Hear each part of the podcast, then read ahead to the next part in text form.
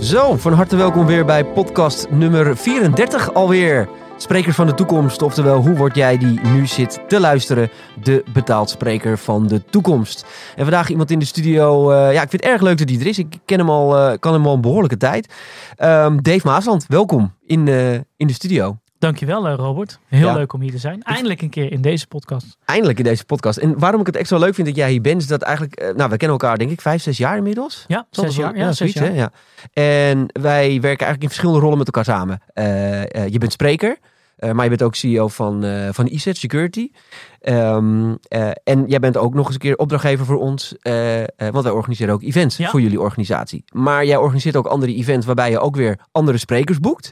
Dus je hebt eigenlijk verschillende rollen. Je staat zelf op het podium, je boekt sprekers en je organiseert evenementen. Nou ja, voor mij een hele leuke mix aan eh, nou ja, bijzondere, bijzondere bezigheden, om het zo maar te zeggen. Waar ik graag met je over wil praten in deze, in deze podcast. Maar eh, ja, first thing first. eh, laten we er even van uitgaan dat er sommige mensen zijn die niet elke week naar VI Oranje kijken. Want daar ben je nog, schuif je nogal vaak aan. En sowieso vaak in de media. Wat ook een interessant onderwerp overigens is om over te hebben. Maar eerst even. Hoe kom je in vredesnaam als Dave Maasland zo in de data security terecht? Ja, ik denk niet dat dat eh, eh, voorbestemd is of dat ik eh, vanaf jongs af aan altijd bezig was om, om hier te komen. Toch als ik terugkijk is het wel een thema geweest die, die, die wel heel dicht, heel dicht bij me lag. Ik ben zelf niet een techniekgek of een computergek. Ik heb een, een, een broer die dat wel is. Die is echt de technicus van ons twee. Die begrijpt technologie ook heel erg goed. Jij kan bijvoorbeeld niet programmeren en zo. Ik kan niet programmeren. Nee, ehm, de context ervan zou ik snappen, maar echt programmeren kan ik zeker niet. En hij is ook hacker van beroep. Mensen zeggen, ja, wat hacker van beroep? Hacker is vooral een, een mindset.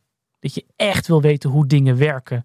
Eh, dat je een videorecorder uit elkaar haalt. En om gewoon te weten hoe zoiets werkt. Dat deed hij al als van. Ja, dat is hek in de basis. Meestal loopt het dan wat uit de hand soms, als je daar eenmaal mee begint. Het is eh, waar hij komt, Robert. Ja. Als hij hier in de studio zou komen, dan staat hier een PC, gaat hij erachter zitten, gaat hij kijken wat hij stuk kan maken. Oh ja, Als er ergens een automaat in de winkel staat, gaat hij niet iets eten bestellen. Gaat hij eerst kijken, hoe kan ik dat kapot maken? Dat hij, maar is- als in, als in, kan ik het kraken of zo? Of nou, kan ik, kan ik het iets laten doen wat niet de bedoeling is? wat zij niet zouden willen in, in principe. Exact. Ja, ja, Het is gewoon hoe die er... eh, ja, dan wil ik wel eventjes dan, eh, even, of toch het leukste verhaal horen wat hij ooit voor elkaar heeft gekregen dan. is dat verjaard? Ja, dat is, ja, dat is wel verjaard, is denk ik. ja. Het zijn gewoon hele stomme dingen. Op een gegeven moment kwamen wij in een soort dispuut met onze squashvereniging. Ehm, hij sportte niet heel veel, maar hij vond het wel leuk om te squashen. Dat deden wij vaak samen. En er was een of andere, eh, zijn abonnement deed het niet. En er was nooit plek. Maar we betaalden wel naar ons idee. Dus ja, op een gegeven moment kwam hij erachter dat in dat squash systeem, daar zaten nogal wat, wat, wat foutjes erin. En eh, ja, eigenlijk met twee, drie klikjes erbij eh, paste die eh, alles aan de achterkant van het squash systeem. Dus toen opeens was er wel plek. Ja, niet voor de andere mensen, maar wel voor ons om, om, te, om te gaan Ja, squashen. precies. Ja. Hij staat meteen gemeld. Dus je hebt gewoon het reserveringssysteem eigenlijk Gewoon gehackt. aangepast. gewoon aan. En dat is soms veel minder sexy dan dat het lijkt. Omdat er dan gewoon iets verkeerd ingesteld staat. Of Ja. ja, een eentje wordt een tweetje. Of een tweetje wordt een, wordt een drietje. Hij meldt het dan gelijk altijd. Want dat is echt wel... Hij staat aan, Hij is wel aan een ethische kant. hacker zoals dat Een heet dan. Hè? ethische, ethische Maar, maar vanaf het begin af aan heeft hij me altijd wel geïnspireerd van eh, ja, hoe belangrijk dit, dit onderwerp is. En ik ben eh, ooit stage gaan lopen na mijn studie bij een bedrijf, organisatie heette Not 32. En om een lang verhaal kort te maken, hij zei, joh Dave, dat is, ja, dat, dat moet je willen. Dat is het antiviruspakket wat er is. En eh, ik ben daar stage gaan lopen in een wereld toen cybersecurity nog geen ding was. Mensen konden cyber niet eens spellen volgens mij. En het ging echt nog in de Want wereld over, hoe lang geleden hebben we het dan? 2008. Ja, precies. 2008. Dus dat was echt de wereld van je moest een antivirusprogramma hebben en, en that's it. Er gebeurde natuurlijk al wel veel, maar nog niet eh breed in de media. Nee, Nee. niet zoals we dat nu hebben. Dus ik heb daar al die tijd gezeten. Ja, die wereld werd alleen maar leuker. Die werd alleen maar spannender. Wat begon als we verkochten antiviruslicenties. Ehm, ja, werd opeens de wereld steeds meer bewuster dat we alles aan elkaar geknoopt hebben. En dat brengt enorme kansen met zich mee als wij ja, eh, zeker nu met, met Teams en Zoom zaken kunnen doen met China, Japan. Onze hele wereld is geglobaliseerd. Maar dat brengt ook enorme eh, risico's met zich mee. Ja, En daar staan we dat, nu, is- denk dat ik. zijn dus de, ja, weet je, de, de mensen die dus wel eh, weten hoe je moet programmeren en hoe je systemen moet kraken. Die, ja, er zijn ook een hele hoop mensen die natuurlijk verkeerde zin in, eh, verkeerde zin erbij hebben. En die niet eh, netjes melden achteraf. Ja, ik denk dat technologie gewoon een reflectie is van wie, van wie wij zijn als Ja. mens. En elke technologie kan in de basis gebruikt worden om iets goeds te doen. Ja. Maar kan ook gebruikt worden om iets slechts te doen. Kijk naar algoritmes. Nou ja, Eh, kijk naar een huis. Ik bedoel, uiteindelijk kan je in een huis heel fijn wonen. Kun je fijn gezin hebben. Maar er zijn altijd mensen die in willen breken. Exact. En die heb je natuurlijk ook in de digitale wereld. Er zijn altijd criminelen die, eh, die de boel willen saboteren. En eh, er beter van willen worden. Nou, daarom moeten we het ook niet te ingewikkeld maken. Uiteindelijk is digitale criminaliteit is gewoon criminaliteit.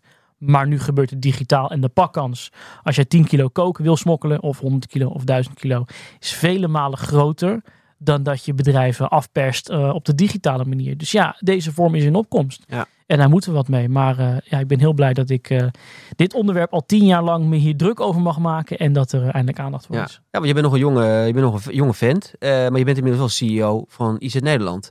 Hoe, hoe, ben je daar zo terechtgekomen? Ja, ook hierin denk ik dat er niet zoveel. s- soms moet je ook gewoon geluk hebben. Sterker nog, ik denk dat dat geluk een hele grote rol speelt bij een ieder zijn succes. Dat neemt niet weg dat ik eh, geprobeerd heb heel hard te werken en mijn best te doen. Maar ik ben daar begonnen als stagiaire. Ik ben meegegroeid met de organisatie van vijf man, zeven mensen, tien mensen. En de wereld veranderde. Alles werd digitaler. Het onderwerp zelf kreeg steeds meer aandacht. Dus omdat het onderwerp meer aandacht kreeg en digitale veiligheid belangrijker werd, ja, groeide ook onze organisatie. Nou, door allerlei andere omstandigheden kwam er de kans voor mij om uiteindelijk in het management terecht te komen op zeer jonge leeftijd. Nou, daar heb je ook altijd andere mensen voor nodig die dan in jou geloven. Dus dat zijn ook externe factoren. Nou, uiteindelijk kreeg ik de kans om in 2018 het bedrijf over te nemen. Ehm, we zijn overigens onderdeel van een wereldwijde organisatie. We zijn het beste te vergelijken met een franchise-constructie. Dus ik heb ook nog eens een heel groot internationaal bedrijf achter me staan die in mij geloofde en zei: Dave, neem vooral die franchise over. We geloven in jouw aanpak. En mijn aanpak was denk ik vooral servicegericht. En ga het maar, ga maar doen. Dus eh, ja, veel lang en hard gewerkt. Maar eh, er zijn vooral heel veel verzachtende omstandigheden waarbij wat bijdraagt Ja, je- aan succes. Je, je bent heel bescheiden, Dave. Maar uiteindelijk, eh, ik ken je altijd. En eh, ik weet dat je een ontzettende harde werker bent. En echt een visionair bent. En, en ja, zeker voor, voor je leeftijd ook. eh, echt al onwijs knap hoe je het bedrijf aan het bouwen bent. Want inmiddels zit- zitten meer dan 80 man bij je op kantoor. Je bent echt al een mediapersoon aan het worden. Ja, weet je, alleen maar heel veel respect voor. Natuurlijk moet je als ondernemer, heb je altijd externe factoren die mee moeten zitten. Je moet altijd geluk hebben. Maar ik geloof ook wel, en dat weet ik eigenlijk ook wel heel zeker, die creëer je in de grootste gedeelte ook zelf. Het moet wel vanuit, het is wel vanuit Dave gekomen. Jij hebt wel, eh, eh, eh, nou ja, je hebt wel het balletje laten vliegen. Ja, en dat je dan toevallig in een markt zit die explodeert. Tuurlijk, is, is mazzel, is fijn, is goed dat je het hebt. Maar uiteindelijk heb je het wel, wel zelf gebouwd. hey, maar, want ik wil vandaag, dat is voor de eerste keer denk ik in een podcast, dat je niet de hele podcast over eh, security gaat praten. Ja, Eh, leuk. Ja, ja het is Een keer wat keer, keer wat anders. Ehm, eh, want ik ben vooral heel erg benieuwd. Want op een gegeven moment heb je de keuze gemaakt om dan als CEO van een bedrijf ook op het podium te gaan als spreker. Wat was het idee daarachter? Ja, dat is denk ik tweeledig geweest. Enerzijds is het geboren uit een soort noodzaak. Er ontstond in onze markt iets. eh, dat heet de, de AVG, de Algemene Verordening Gegevensbescherming. Ja, verschrikkelijk eh, ding was Jou wel toen. bekend. Ja. In de volksmond wordt het wel eens de privacywet genoemd. Dat is niet helemaal waar. Het is een wet voor het beschermen van data. Maar niemand wist daarvan. Nee. Niemand, maar dat raakte heel erg on- onze Ja, business. ineens was het er ook. Ineens was het er. Ja. En bedrijf had zoiets van, wat moet ik hiermee? Veel moest je gaan bewijzen waar je een e-mail vandaan had en dat soort dingen. We kregen allerlei rechten erbij, maar vooral ook veel onduidelijkheden erbij. Dus toen dachten we, nou, we- wij moeten als IZ zijnde, we moeten het podium op. Wij, moeten, wij waren er al wat langer mee bezig, wat die wet inhield. Wij moeten dat podium op. En ik vond, eh, ik heb overigens in een ver verleden, eh, heb ik twee, twee, twee jaar lang toneelles gedaan. Mijn idee was dat ik ga acteur worden. Wacht even, dit is, In- dit, is voor mij echt Ja, volledig nee, nieuwe informatie. Ik denk, jij moet... Jij eh, hebt op het toneel gestaan als boom. Eh, Misschien dat ik begonnen ben in toneelstuk 1 als boom. Ik kan me nog één toneelstuk herinneren. Nee, je maakt nu een geintje, of is dit echt nee, serieus? dit is echt waar. dit is echt. Ja, jullie, Dave Maasland, dames en heren, is ooit begonnen als boom. als jullie nu ook, ook fysiek kijken of kijken, dan zien jullie Robert ook mij heel erg hard uitlachen. Klopt. Nee, ik heb twee jaar toneelles gedaan. En ik, mijn idee was dat ik wil acteur worden. Oké, wat Nou, cool. voor de mensen die mij kennen, die weten dat ik vrij klein van stuk ben en weinig weg heb van eh, Brad Pitt of, of iets anders. Dus uiteindelijk had ik zoiets van, nou, dat acteur, ik voelde me daar niet gewoon comfortabel genoeg bij. En ik, maar ik vond het wel leuk om op podium, dus dat had ik al mee. Ik vind het wel leuk om op podium te staan en op een bepaalde manier in de spotlights te staan. Daar kan ik niets aan doen. Dus toen die noodzaak ontstond van iemand moet in Nederland iets gaan vertellen over AVG, had ik Tim, wij gaan Wij gaan vertellen wat die privacy-wetgeving... Maar heel even terug naar het toneel. Dat vind ik wel interessant. Want, nou ja, nee, nee, nee. Ik ga niet het toneel uitkleden. hoor. Maar ik, waar ik wel altijd heel erg nieuwsgierig naar ben. En daar hebben we het in de vorige podcast met, met Arvid uitvoerig over gehad. Hè, wat, wat is nou de beweegreden van iemand om uiteindelijk de behoefte te hebben om op een podium te staan? En jij, je, noemt hem net als een heel klein zinnetje tussendoor. Maar die vind ik eigenlijk het meest interessant. Van ja, blijkbaar zit dat in me. De behoefte om eh, op een podium te staan, toneel te doen, theater. En, en nou ja, nu dan blijkbaar als CEO van, van een bedrijf, als spreker. Maar eh, eh, als je toch eens heel erg diep van je binnen van jezelf gaat kijken, waar, waar denk je dat de behoefte vandaan komt om op dat podium te staan? Want dat is eigenlijk het meest interessante. Ja, ik denk dat uiteindelijk draait het erom dat je een, ehm, voor mij althans, als ik op dat podium sta, heb ik echt het gevoel dat ik de mensen iets kan geven. Er is over iets van connectie in. Er zal ongetwijfeld ook iets van zijn dat je eh, zoekt naar een bepaalde bevestiging. Ik merkte al vrij snel als ik spreekbeurten gaf op de basisschool. En met name in mijn HBO-tijd is dat echt tot stand gekomen. Ik zal nooit vergeten een docent HBO die tegen mij zei na een presentatie voor iets wat ik niet had voorbereid. Ja, ik moest er wat van maken, dus wat doe je dan vaak? Dan ga je ratelen. Maar goed, er zat wellicht wat goed geratel bij. En die zei tegen mij, Dave, ik heb nog nooit zo'n presentatie gezien. En ik geef al 15 jaar les op de universiteit. En ik zat op het, op het HBO.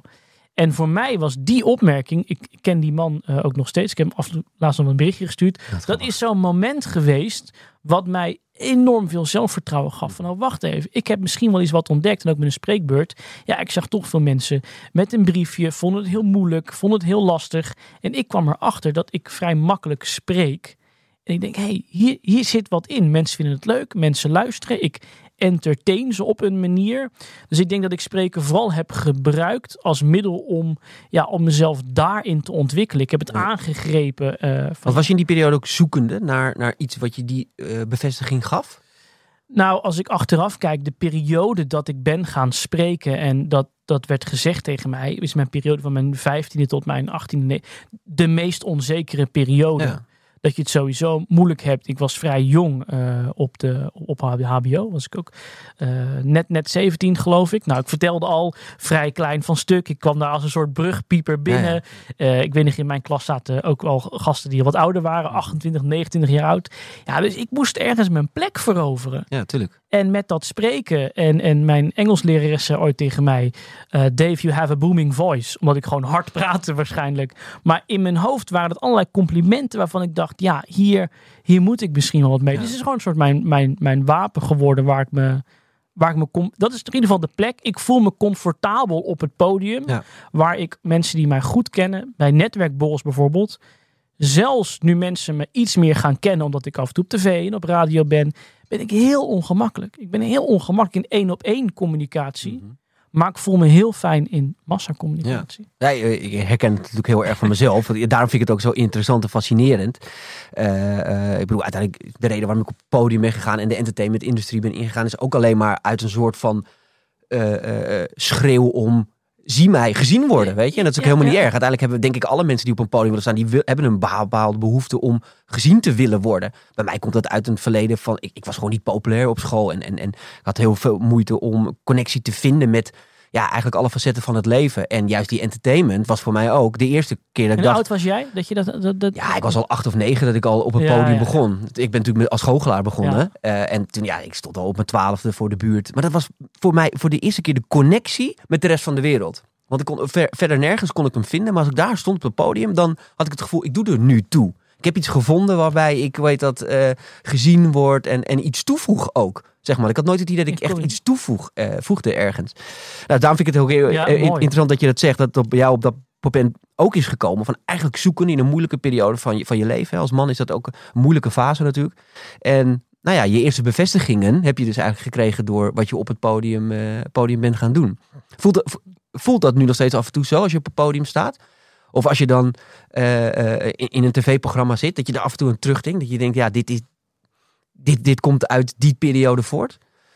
Ja, ik geloof wel heel erg in, in de steen in het water effect. Ik bedoel daarbij dat eh, de steen in het water dat dan op een gegeven moment de stroom anders loopt. Ik denk dat eh, wat die leraar toen tegen mij zei over het doen van spreekbeurten, dat dat zo'n steen in het water is, is geweest. Ook die acteerlessen, dat ik soms terugdenk, ja, als ik niet dat zelfvertrouwen had toen, of dat ik, ja, dan had ik daar misschien niet, niet gezeten. En natuurlijk is het wel, als ik dan terugkijk, als ik bij talkshows aanschuif, ehm, dat ik mezelf afvraag van ja, hoe, hoe ben ik hier gekomen en, en, en vind ik dit eigenlijk gaaf dat ik het doe? En dat was wel om ook terug te komen op jouw allereerste vraag. Waarom ben je begonnen met die AVG-presentatie? Het moet wel altijd een middel zijn.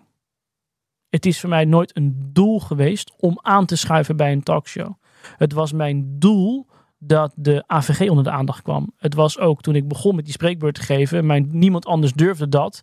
Is een cruciaal iets. Je kan een fantastisch schoolproject hebben, maar als er iemand staat en die staat het zo te vertellen, ja, dan komt het niet over. Nee. Dus het is altijd een doel. Maar ik kan me voorstellen dat het ook een visitekaartje voor je bedrijf is. Nou, dat is de andere. Enerzijds, het is informatief. Ik denk dat je door middel van spreken op een gepassioneerde, echte, authentieke manier je echt iets kan veranderen bij mensen. Eh, kijk maar naar, naar, naar TED, hoe ongelooflijk groot dat is. Maar de andere kant is denk ik ook op dat ik vind dat elk bedrijf tegenwoordig uh, staat niet meer langs de zijlijn.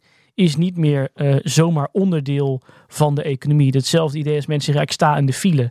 Nee, je bent de file. Ja, precies. Uh, je bent er net zo oorzaak van als iedereen. Als, ja. Dus alles wat een bedrijf doet, en als ze praten over de supply chain tekort of de war on talent, dat, dat probleem zijn zij ook. Ja, precies. Dus als organisatie moet je naar voren stappen, denk ik. En dat vind ik een van de grote krachten die je kan doen en mag doen als CEO. Je kan zonder al te veel overleg uh, uh, de stem zijn van een organisatie en de waarde waar je voor staat, kan je laten zien door ook gewoon ergens te gaan zitten. Dus het is voor mij, het is een manier geworden om een boodschap over te brengen. Het belang van digitale veiligheid. Maar het is ook een manier geworden om ISET, onze organisatie, om te laten zien wie we zijn en waar we voor staan. En die combinatie, ik geloof ook in dat, dat Tetris-effect. Mm -hmm. Dat op een gegeven moment komen veel dingen samen en dan ontploft die, die laag, zeg maar. Nou, dat is vaak spreken, in de media zijn, dan ergens bij een klant aanwezig zijn, een sponsoring doen, een andere marketing. Het is niet op zichzelf staande interessante activiteiten, maar het gaat om dat geheel, dat die blokjes... En dan klopt het allemaal bij elkaar. En dan opeens. Ja. Hey, en um, neem ons eens mee, want, want uh, ik, ik, ik heb bij jou, uh, volgens mij de eerste keer dat ik jou een lezing gegeven was, voor mij, was ook voor mij zes jaar geleden. Voor mij was het in Amsterdam, uh, bij het Hilton, langs, langs het spoor daar, ja, toch? Dat was voor de klopt, eerste keer. Ja. En uh, ik was toen onwijs gefascineerd, want je bent, je bent een hele goede spreker van nature, denk ik al. maar je had ook toen je broer mee en die ging ook live hacken en zo. Neem ons eens mee, hoe, hoe, hoe ziet zo'n lezing voor jou er dan uit? Nou, wat we deden is tweeledig proberen mensen um, te overtuigen dat het allemaal niet magisch is. We wilden die magie van cybercrime weghalen. Dus wat mijn broer deed, was op een hele laagdrempelige wijze uh, na mijn verhaal. Dus ik begin. Ik begin met vertellen, hoe zijn we nou hier gekomen? Het lijkt alsof cybercrime er opeens is. Uh, nou, dat kan ook wel, denk ik, want dingen zijn exponentieel gegroeid. Nou goed, dat leg ik uit. Waarom ja. zijn we... Dus dit gaat niet meteen over techniek of over hacking, over... Helemaal niet. Het gaat over hoe zijn we hier gekomen op dit punt aan de hand van voorbeelden die mensen herkennen. En dan vervolgens ga je natuurlijk wel schetsen, maar oké, okay, wat gebeurt er dan nu? En ik vertel dat, en ik vertel dat hopelijk praktisch, en ik laat voorbeelden zien. En dan nog denken mensen, Robert, nou interessant, maar het zal mij wel niet overkomen. En ja, dan op het moment dat mijn broer in de zaal iets laat zien op het podium in twee, drie handelingen en mensen zien op dat scherm opeens hun eigen wachtwoord staan of uh, de website die ze net bezoeken ja, of wat ja. dan ook. Pas dan wordt het echt van oké, okay, wacht even. Het is echt, het is misschien niet magisch, maar het gebeurt, het gebeurt echt. Dus die impact is, uh, is gewoon heel interessant. Tof. En hoe, hoe blijf jij jezelf ontwikkelen als spreker? Laat je ook coachen bijvoorbeeld op, uh, op, op sprekersniveau? Of, of is het meer dat je je inhoud continu blijft aanpassen? Nou, ik, ook dat denk ik dat het heel. Um, het is gewoon heel hard werken. En wat ik in het begin dacht, omdat het een middel is. Het is voor mij niet een, doel op zich. Um, zag ik zeker in het begin kom je van een koude kermis thuis. Omdat je te weinig ontwikkelt. Dus wat ik nu wel besef is dat zit er meer in dat na elk tv-optreden heb ik een debriefing. Of dat nou met ons PR-bureau is, of met onze PR-manager, of met mijn vriendin op de bank thuis, of dat ik mijn moeder even bel, die nog de meest kritische consument die zegt, joh Dave, je lacht te weinig, je praat te snel, waarom kijk je die niet aan? Uh, dus het zit heel erg aan die feedbackkant. Het zit er ook bij dat je uh, moet blijven oefenen, blijven content aanpassen en waar ik heel erg in geloof, ik ben natuurlijk geen personality in de zin van een, een, een, een brede persoonlijkheid. Ik ben een specialist op één vakgebied. Ja. Dus ik doe hele dagen, Robert, niets anders dan met dit onderwerp bezig zijn. Ja. Twitter, LinkedIn, Facebook, podcast, kijken. En continu kijken, hoe kan ik dit uitleggen aan een enorm groep. Dus ook veel met de technische experts praten. Ik word gebeld, Don, door nu.nl. Die willen dit en dit weten. Ik ga het zo uitleggen. Wat denk je? Is dat, is dat goed? Is dat niet goed? Moet ik het anders doen?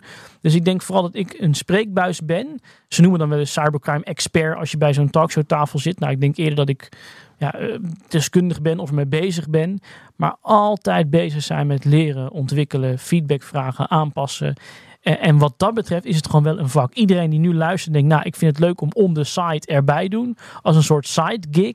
Ja, dat is het niet meer. Want als ik spreek, ik eh, geef elke maand een interne presentatie aan ons hele bedrijf. Dat is ook net zo goed een belangrijke lezing voor mij.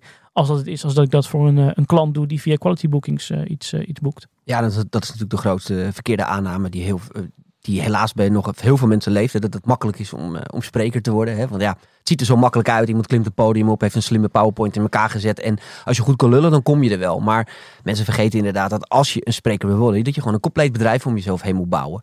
Eh, in jouw geval is dat letterlijk zo. Want je, je- eigenlijk is jouw hele IZ is natuurlijk Exact. is net zoals jouw uithangbord eh, als dat het bij een brood... Kijk, je bent geen broodspreker om het zo maar te zeggen. Je hoeft daar niet Ja. van te leven. Het is meer voor jou, nou ja, wat je al zei, het, het, het tikt een hele hoop boksen aan. Dus daarom is het logisch om op het podium te staan.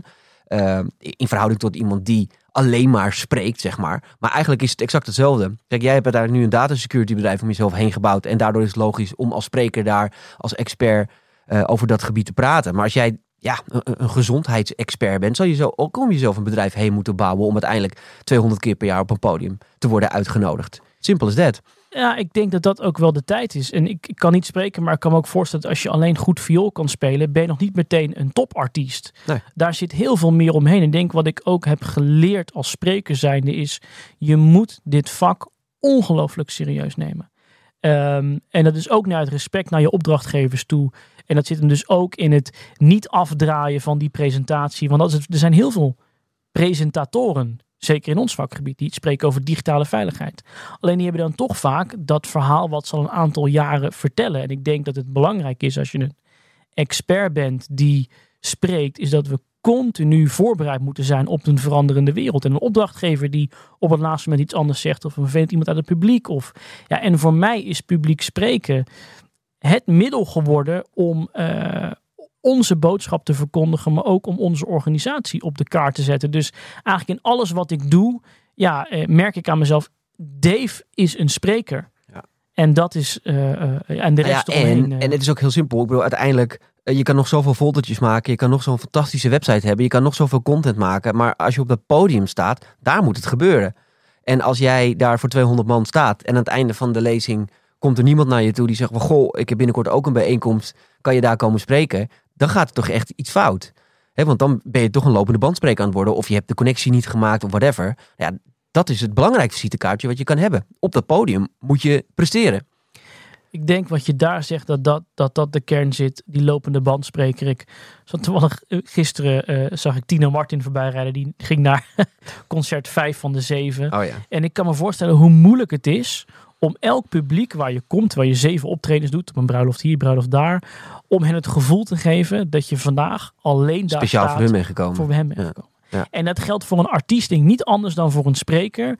100%. Dat ik daar ben om hen het gevoel te geven van ik vind jullie zo belangrijk. Ik wil jullie deze boodschap meegeven. Ja. Nou, het, ik, ik, ik, eh, ik heb dit voorbeeld echt al 800 keer in deze podcast aangehaald. Maar er zijn een aantal sprekers, waaronder bijvoorbeeld een Jozef Oebekas, die ken je ook. Eh, eh, laat ik het zo zeggen. Ik zie vaak sprekers voorbij komen. eh, die worden succesvol. Die gaan op een gegeven moment richting de 100 plus boekingen per jaar. En dan kom je al snel in een lopende band. Werk. Nou ja, de Tino Martens. Het wordt een tape act om het dan maar te zeggen. Je bent dan je programmaatje aan het afdraaien. En je komt te laat binnen. Want je moet heel snel schakelen tussen verschillende boekingen. Wat nu heel erg weer aan de hand is. Omdat veel sprekers weer veel boekingen hebben. En dan presteer je niet meer op het podium zoals je eigenlijk moet presteren. Eh, wat ik bijvoorbeeld bij een Jozef Oebelkas zie, wat ik bij jou zie, bij andere sprekers zie. die iedere keer weer, voordat ze op dat podium opgaan, zich realiseren wat ze op dat moment aan het doen zijn. En wat ze, eh, met welke doelstelling ze eigenlijk ooit op het podium terecht zijn gekomen. Want veel mensen komen vanuit een ideologie op het podium terecht. Ja, daar moet je altijd weer even naar terug gaan voor je op dat podium gaat. En niet, oh haasten, haasten, haasten. Oh, ik moet wel op het podium, want ik moet nog naar mijn volgende boeking toe. Prima als je drie boekingen op een dag doet. Maar weet dan wel altijd weer voor jezelf, voordat je dat podium opstaat, weer even terug te gaan naar dat gevoel waarom je ooit dat podium op bent gegaan. Want alleen dan kan je de connectie maken. Alleen dan kan je presteren. Alleen dan kan je mensen het gevoel geven van, oh wauw, hier gebeurde ook echt wat. Want uiteindelijk zijn we allemaal inspiratoren over welk onderwerp je ook praat. We zijn eigenlijk een beetje de moderne dominees. Ja, en sterker nog, want dat vind ik een belangrijke vergelijking, dat brengt een verantwoordelijkheid met zich mee. Tuurlijk. Ik bedoel, uiteindelijk moet jij toch ook hoop geven aan mensen in de zaal. Want kijk, uiteindelijk, als, zou je, als zouden er vijf mensen in de zaal zitten die zich echt zorgen maken hierover. En die mensen heb je. Weet je van, ja, je bent zo bang dat mijn data en met dit en mijn bedrijf en mijn zus. En jij kan ze de handvatten geven om te zeggen, ja, maar wacht eens even. Als ik dus uh, nou ja, alleen al mijn, paspoort wat, mijn wat ingewikkelder maakt en een tweestapsverificatie doe, dan ben ik, ben ik al 60% verder. Wauw, daar heb ik helemaal nooit stilgestaan. Wat simpel. Ja, dan, dan help je toch mensen. Dan ben je toch een inspirator. Dan help je mensen ook verder in het leven. Nou, ik denk dat daar ook het snijvlak tussen publiek spreker en CEO elkaar heel erg kruist. In beide rollen heb je een enorme impact op mensen. Als je als CEO door een bedrijf loopt en je geeft iemand wel of niet een compliment op het werk van gisteren of iets anders. Je kan iemand zijn weekend maken of breken. En ik denk dat te weinig managers, leidinggevenden bewust zijn van de, de, de impact die ze hebben. Dat geldt denk ik ook als spreker. Als je op een podium staat, of het terecht is of niet, heb je een bepaalde autoriteit. Want er is een organisatie die jou daar plaatst en jouw boodschap laat verkondigen zoals een dominee of, of andere eh, bijeenkomsten. En dan heb je ook een verantwoordelijkheid, vind precies, ik, om naar die mensen toe, niet alleen een voorbereiding, maar te beseffen dat wat je ook gaat zeggen, je impact maakt. En dan kan je nou twee dingen doen: mensen met meer vragen wegsturen of met meer hoop en antwoorden. Uh, ik denk dat we altijd voor het laatste. Ja, het hangt helemaal af van, van, van, je, van je doelstelling en je onderwerp af natuurlijk. Maar, uh, in mijn geval hoop ik ze inderdaad met, ja. met hoop, uh, hoop. Nou ja, precies. Dat, ja. Is wel, uh, dat is wel het idee. heel eventjes, um, want we hadden het net over, over, nou ja, goed, over sprekers. jij boekt zelf ook heel veel sprekers, want je organiseert je eigen event rondom om IZ. Dat maakt het, deze podcast ook heel interessant. Want ik ben heel erg benieuwd, want ik weet, jij bent altijd heel kritisch over welke sprekers je in je programma's plaatst. Waar, op, basis waarvan zoek jij dan andere sprekers? ik geloof heel erg in consistentie in alles, tot op het meest waanzinnige de detailniveau. En ik geloof dat als je naar een programma kijkt, een goed programma, dat mag wel divers zijn, maar er moet in de kern. Um, kijk, wij hebben een sterk geloof dat dit onderwerp dat we niet gebaat zijn bij angst. Um, we zijn Terwijl jij, jij, jij, jij, je wil dus niet ervoor zorgen dat mensen allemaal, oh jij bang wat er op ons afkomt. Nee, we willen hoop bieden.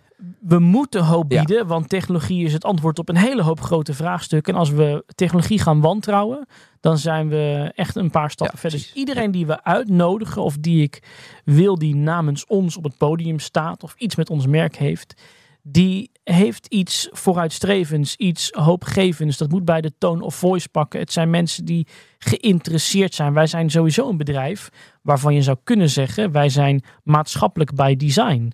Want Robert, wij verdienen geld en soms best veel geld met criminaliteit. Ja. Wij maken geen mooie spijkerbroeken. Nee. Dus wij moeten ons denk ik bewust zijn, wat doen we daarmee? En als wij dan ruimte geven aan ja, toch wat commerciëlere zaken, dat, dat past minder. Dus de mensen, bijvoorbeeld een goed voorbeeld, onze vaste dagvoorzitter is Art Royakkers. Ja. En dat komt door, misschien zouden mensen zeggen, niet uh, uh, ja, zijn meest uh, inhoudelijke programma, maar dat vinden wij wel, Art Royakkers over de vloer. Zijn oprechte interesse in mensen. En het gaat om de ander. En ik wil begrijpen. En wie ben jij? En wat beweegt jou? En daarbij, dat is voor ons wat we, wat we zoeken. Ja. het is heel erg belangrijk voor alle beginnende sprekers, of alle sprekers überhaupt die luisteren. Dit, dit is een opdrachtgever aan het woord. Hè? Want hoe vaak hoor je nou opdrachtgevers vertellen op basis waarvan ze welke keuzes maken? Uh, Oké, maar dus dan liggen er, liggen er drie profiel. Want ik, je, je, vraagt aan mijn sprekersbureau, dat doe je meestal bij ons, want zo, zo lief ben je. Ja. Uh, hoe heet het dan? Uh, dan? Dan vraag je die sprekers op en krijg je, dan krijg je een rijtje, meestal vijf, zes, soms wel tien opties. Uh, um, en, maar hoe, hoe zit je dan met je team? En hoe ga je dan. misschien is het een beetje een, een, een, vervolg op de vorige vraag, maar ik ben zo benieuwd naar hoe gaat zo'n beslissingsproces dan op zo'n tafel? Want dat is zo belangrijk om voor sprekers te weten wat er dan in zo'n opdrachtgever rondgaat. Hoe belangrijk is bekendheid? Hoe belangrijk is prijs? Hoe lang belangrijk is nou ja, de kernwaarde die je net aan een, aan een spreker koppelt? Nou, daar zit wel een hiërarchie in. Kijk, we hebben een hele, we hebben een event team, we hebben een marketing team. Die kijken allemaal weer naar andere zaken. Ons marketing team of ons brand team zal veel meer kijken, past een spreker bij ons, uh, bij ons merk. En dan zal misschien de PR-kant weer meer kijken, wat is de achtergrond van de spreker. Kijk, het belangrijkste voor ons is, het is toch, en dat is, zal honderd keer gezegd zijn, sprekers zijn merken. En als je je uitspreekt voor een merk, welk merk dan ook, dat roept dat een gevoel op als wij als IZ zijnde in een Porsche aankomen rijden of in een Audi aankomen rijden, dan zegt dat iets. Dus onze keuze voor een dagvoorzitter zegt iets richting ons, ons publiek. Wat vinden we belangrijk? Waar staan we voor? Waar geloven we in? Dus wij kijken altijd allereerst naar wat is ons gevoel bij. Dus jij komt wel eens met een rijtje tien bekende Nederlanders. En dan gaan wij toch kijken, of soms minder bekende mhm. Nederlanders. Wat is ons ja, heel, heel, gevoel erbij? Wat is ons gevoel erbij? Allereerst. En dan echt is daarna ondergeschikt van oké, wat is ons gevoel daarbij? Ehm, wat, wat, wat, is dan de, wat is de prijs? Wat is de investering? Zit daar nog grote verschillen in? Ehm, maar dat hele bekendheidsstuk is voor ons, het ligt aan het event. Kijk, op het moment dat wij echt een heel breed event doen en wij willen soms mensen het gevoel geven dat ze speciaal zijn, dan kan het helpen dat je een BN'er hebt, want dat is een extra experience. het is een aanjager en dan uh, komen mensen iets, iets liever sneller naar je evenement toe als het een bekend iemand is. Maar soms zijn er andere elementen. Dus het is niet, het is vooral hoe komt iemand, uh, ja, welk gevoel roept iemand op? Welke nes met een auto? Nogmaals, de, de automerk. En ik denk dat het voor elke spreker heel belangrijk is. Ja, wie, wie wil ik zijn en, en waar sta ik voor? En dat, uh, dat is gewoon het allereerste waar wij naar kijken. Ja, dat, dat is dus precies waarom ik ook altijd. Uh, nou, ik heb ooit dat sprekerskompas ontwikkeld. en heel veel sprekers zeggen: ja, maar moet dat nou? Moet ik nou echt serieus tot zo ver doordenken over waar ik dan voor sta en wat mijn kernwaarden zijn en hoe ik gezien wil worden? Precies hierdoor. Want daar maak je de match met je klant sprekers die hebben, bellen mij en zeggen, ja, maar waarom ben ik, eh, heeft die klant mij niet uh, geboekt? Want ik had toch prima op dat podium gepast. Ja, maar dan snap je dus niet dat je in een dismatch bent met dat bedrijf. Want als jij weet waar jij voor staat, weet je ook welke bedrijven je erbij moet gaan zoeken. Want als spreker kan je het ook omkeren. Oké, ik sta dus hiervoor. Welke bedrijven liggen daarmee in lijn? 100%. Want uiteindelijk is, is dat het belangrijkste afwegingpunt. Past zo'n persoon bij de kernwaarden die jullie als bedrijf hebben? Ik denk sterker nog dat als je als spreker ook die nu luistert en je wordt succesvoller, dat je je ook op tijd af moet gaan vragen, zelfs lang voordat het op, uh, relevant is. Uh, wat wil ik allemaal nog doen? Waar wil ik staan? Wat past bij mij? Want als je authentiek wil blijven, mm-hmm. dan moet je ook zoeken naar die. En ik, ik denk ook dat sprekers echt uh, veel meer, als ze ook willen lezen, willen leren, om zich meer te verdiepen in branding wat branding echt is. 100%. Of het nou een, een, een, Nike is, of een Google, of een Apple, zoals zij over hun merk nadenken. En of het nou kleur is en gevoel en tone of voice, ook hoe ze... Ik zie toch een aantal sprekers um, die ik ook op LinkedIn, waarvan ik denk, hey, de manier hoe jij spreekt op LinkedIn, ligt voor mij niet in lijn met het merk wat ik denk wat je wil zijn. Dus en dat is mooie. En dat is hetzelfde met CEO. CEO zijn of, of een publiek spreker zijn. Alles wat je doet in de publieke ruimte is branding. Zeker. Ook in de supermarkt, ook op LinkedIn, ook daarbij. En dat geldt voor mij ook. Alles wat ik in het bedrijf doe, uh, als ik een papiertje opraap of iets anders, dan, dan probeer je iets, uh, iets in een voorbeeld neer, neer te zetten. je hoeft het niet zo zwaar te maken dat je niets meer niet jezelf kan zijn. Maar denk ik vooral inderdaad afvragen, wie ben ik, wat vind ik belangrijk en waar sta En als je dat, dus als laatste mijn pleidooi, maak dat ook duidelijk via een partij als Quality Booking. Zodat ik niet alleen een biografie lees, maar dat je als spreker aangeeft in mijn presentaties vind ik dit belangrijk. Of ik vind dit belangrijk. Als dat je ook weet, ja, wat is dan het merk van die, eh, van die waar kies ik voor? Kies ik voor een Audi of kies ik voor een Skoda? Ik wil dat dan ook. Even Beide prima auto's, maar uh, heeft een ander imago. Ja. Exact. Nou ja, heel goed. Hele goede, goede tips deze podcast, uh, Dave. Verdorie. En we weten nog niet eens hoe we onszelf moeten beschermen tegen datacriminelen. daar hebben we op andere podcasts Daar heb je er genoeg van volgens mij online staan. Hey Dave, even, want dan word je uiteindelijk uitgenodigd, ook als expert voor voor tv-programma's. Je, volgens mij heb je overal wel gezeten. VU Oranje, je hebt uh, Editie NL, RTL Boulevard. Al dat soort, soort, soort nieuws, uh, hoe heet dat, programma's hebben je al een keer uitgenodigd. Heb je erover getwijfeld of je die stap wilde nemen om, om een publiekelijk figuur te worden? Ja en nee. Ik heb er in die zin niet over getwijfeld dat het een showstopper is. Ik heb altijd heel erg dat, uh, het verantwoordelijkheidsgevoel gehad. Ik loop al twaalf jaar te roeptoeteren. Nou, jij weet dat ook, we elkaar kennen, hoe belangrijk dit is. En mensen willen niet luisteren, er is te weinig aandacht voor. Ook in het begin nog wel eens uh, toch wat, wat, wat, wat zuurder.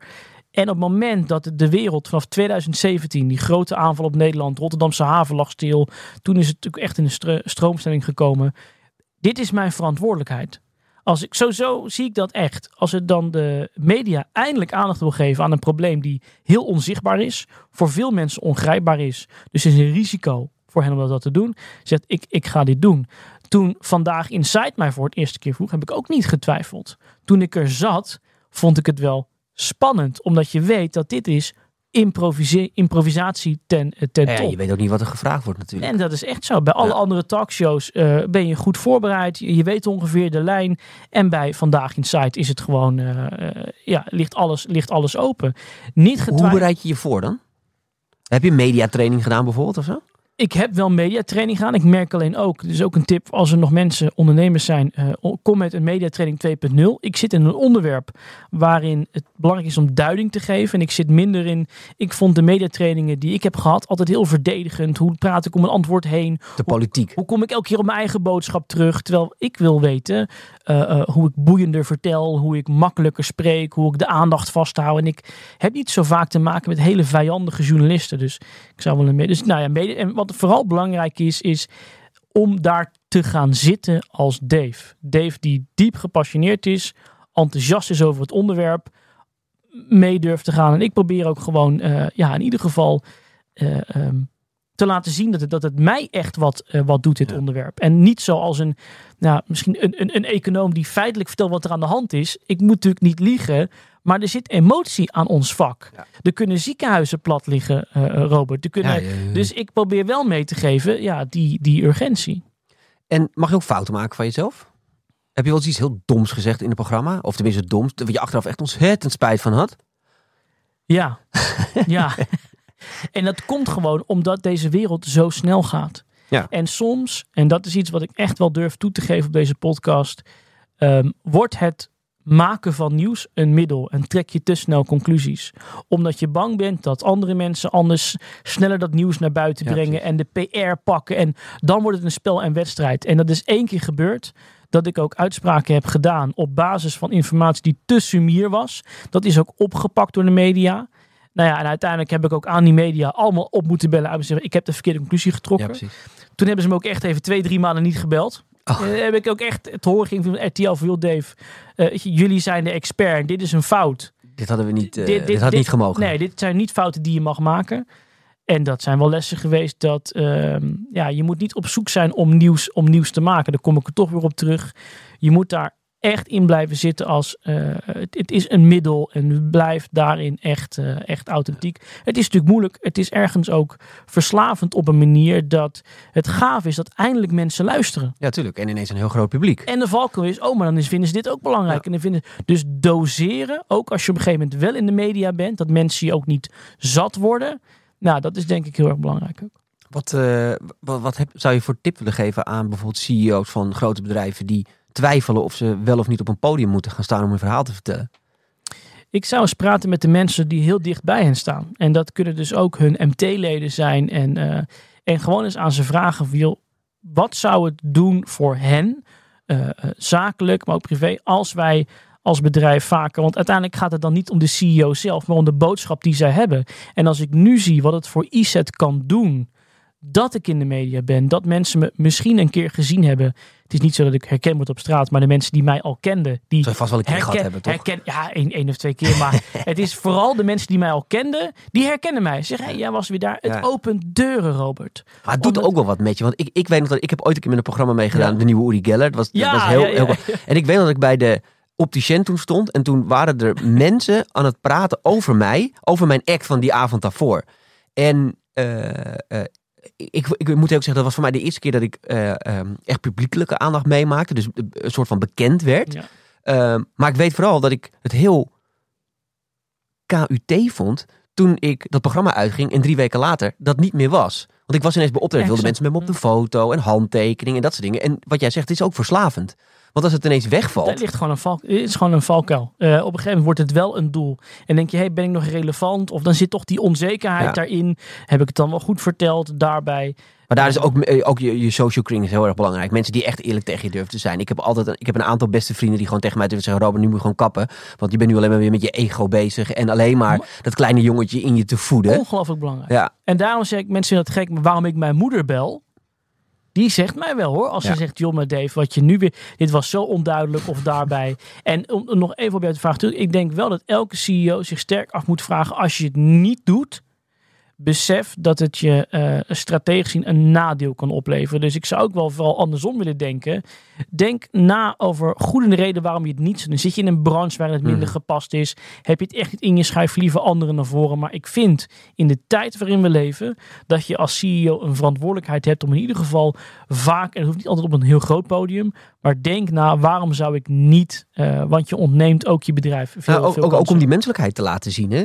Trek het uit die boardroom en laat gewoon zien dat je ook gewoon een mens bent. Met een plan. Ja, en dat vond ik wel goed. En alles wat nu ontstaat met klimaatcrisis en, en, en het bedrijf doet niks. Ja, maar er zitten altijd mensen achter een bedrijf.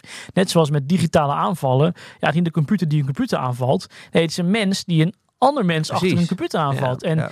die menselijkheid als CEO laat, laat zien waar je voor staat. Durf. En als één, als ik over mijn presentatie spreek met mensen, de voorbeelden van persoonlijke voorbeelden, die blijven altijd hangen. Ja. Als ik iets vertel over mijn hond of daarbij. Dus het is ook echt, het gaat vooral om de, om de mensen achter. Allerlaatste vraag.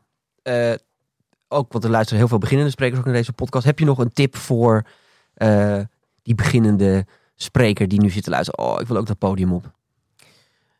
Twee dingen. Wees echt obsessed door je onderwerp en begin met een niche. Begin met een niche waar je ook echt een specialist in kan worden, want het zal je verbazen hoe snel je meer kan weten dan een ander. En probeer dat dan ook over te brengen. En daar is tegenwoordig oh, Twitter, TikTok, nou filter alle, Pinterest, filter alles op je topic en ben er echt mee bezig. En ten tweede een hele concrete eh, eh, talk like that dat soort boeken waarin heel concreet je echt even met neus de feit dat het niet gaat om veel slides en sheets, maar het gaat om jou als verhaal. Maar er zijn ook gewoon trucken om te leren hoe je een publiek kan boeien. En je kan een waanzinnig spreker zijn van nature, maar er moet altijd, er komt gewoon een stuk vakkennis bij kijken. En dat is bij elk ander beroep, net als een voetballer, gewoon hard trainen. Ook als spreker, gewoon hard trainen om goed te spreken. Top. Dankjewel, Dave. Dankjewel, Robert. We zijn ruim over de 40 minuten heen eh, gekomen. Dus eh Kijk, voor me hadden we nog wel even door kunnen gaan. Maar we houden hem compact. We houden hem compact, deze podcast, eh, Dave. deal. Dankjewel. Dankjewel. En jullie allemaal bedankt voor het luisteren naar deze podcast nummer 34. Hou vooral ook onze website goed in de gaten voor nog veel meer interessante en inspirerende podcasts over dat mooie vak, het spreken in het openbaar. Uh, www.sprekersvandetoekomst.nl en www.quality-bookings.nl. Tot volgende week.